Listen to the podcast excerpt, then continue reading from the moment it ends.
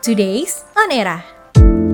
Halo Eramania, selamat datang kembali di Today's On Era bersama gue Alma. Eramania, ada apa nih yang baru di 28 Januari 2022? Langsung aja ya, kita mulai ke berita pertama. Abis Edi Mulyadi yang dianggap menghina IKN, sekarang giliran pegiat media sosial Niko Silalahi yang bikin netizen marah-marah nih. Hingga tagar hashtag tangkap Niko Silalahi sempat jadi trending topik di Twitter pada Jumat 28 Januari 2022. Nah, kira-kira kenapa sih ini netizen kok marah-marah sama Niko? Jadi, Niko ini lewat cuitan di akun pribadinya menghina masyarakat Kalimantan karena menyebut wanita Kalimantan dijual ke Cina untuk dijadikan budak seks. Wow, bener-bener ya mulutnya ya. Niko ini juga dianggap membela pernyataannya Edi Mulyadi ya Ramania. Kalau buat lo yang belum tahu nih, isi cuitannya kayak gini. Saat hutan ditebang, banjir merendam warga kurang lebih sebulan, perempuan dijual ke Cina untuk dijadikan budak seks. Anak-anak pada mati tenggelam di bekas galian tambang, kalian pada diam. Tapi saat ada yang mengatakan tempat jin buang anak, kalian pada demo. Sebenarnya kalian siapa sih?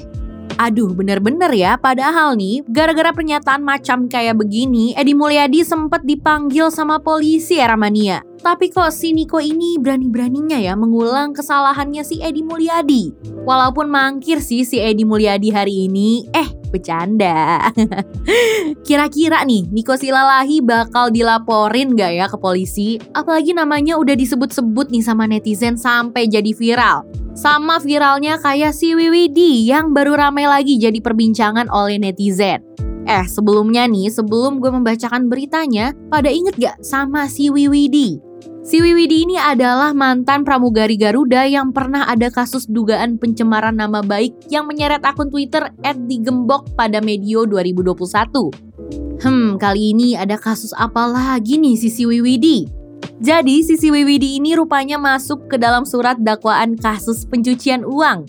Dilansir dari foi.id, mantan pramugari Garuda Indonesia ini tercantum dalam surat dakwaan Kepala Bidang Pendaftaran, Ekstensifikasi dan Penilai Kanwil Direktorat Jenderal Pajak Sulawesi Selatan, Barat, dan juga Tenggara atau Sulsel Barta, Wawan Ridwan, dan anaknya bernama Muhammad Farsha Kautsar. Ayah anak ini didakwa melakukan pencucian uang Eramania. Nah, nama Siwi ini disebut menerima uang sebesar 647.850.000 rupiah dari Muhammad Farsha Kautsar. Dan ternyata nih Ramania, keduanya merupakan teman dekat. Hmm, teman dekat kok transfernya sampai ratusan juta rupiah ya? Ini temen atau temen nih? Tapi nih Ramania, Komisi Pemberantasan Korupsi atau KPK mengungkap kalau misalnya si Siwi ini berkomitmen akan mengembalikan uang yang dia terima. Walaupun begitu, peluang Siwi terjerat dalam dugaan tindakan pidana pencucian uang atau TPPU tidak akan hilang walau telah mengembalikan uang tersebut. Tindakan semacam ini hanya akan meringankan Siwi jika memang nantinya dia terjerat pasal pidana. Ayo pak, berantas terus praktik-praktik korupsi. Pokoknya jangan sampai kasih kendor pak. Kayak Polda Jabar ini nih yang gak ngasih kendor para pendemo yang ricuh di depan Polda Jabar.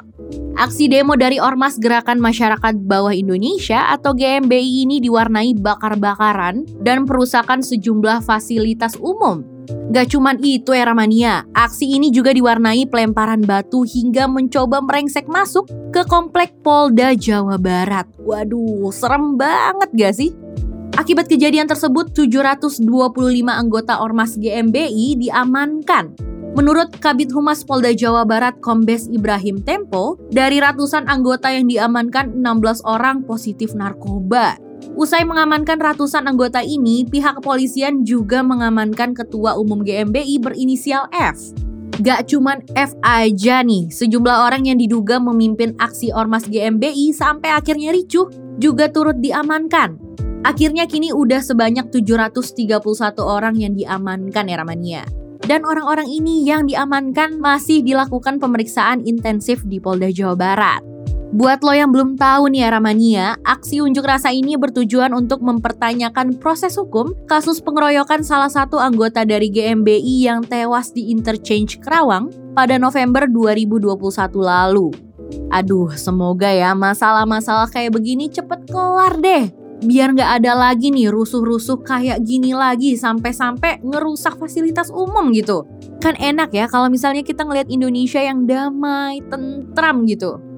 Oke, itu dia tadi berita-berita terbaru di tanggal 28 Januari 2022. Berita pertama datang dari Niko Silalahi yang lagi rame banget nih di media sosial gara-gara dianggap menghina masyarakat Kalimantan karena menyebut wanita Kalimantan dijual ke Cina untuk dijadikan budak seks. Lanjut ke berita kedua dari mantan pramugari Garuda yang bernama Siwi Widi yang didakwa kasus pencucian uang era mania. Dan berita terakhir datang dari Gerakan Masyarakat Bawah Indonesia atau GMBI yang mengadakan demo sampai ricuh banget nih di depan Polda Jawa Barat. Wah, emang ya hari ini di tanggal 28 Januari banyak banget nih kontroversinya. Sampai-sampai tuh bikin kesel gitu ya kalau misalnya baca berita. Tapi tenang aja ya Ramania, kalau misalnya lo mau konten-konten yang mungkin bikin lo happy lagi, jangan ragu-ragu nih untuk datang ke social medianya Era, era.id. That is all for today's on Era. Bye-bye Ramania. Eranya podcast. Now is the era.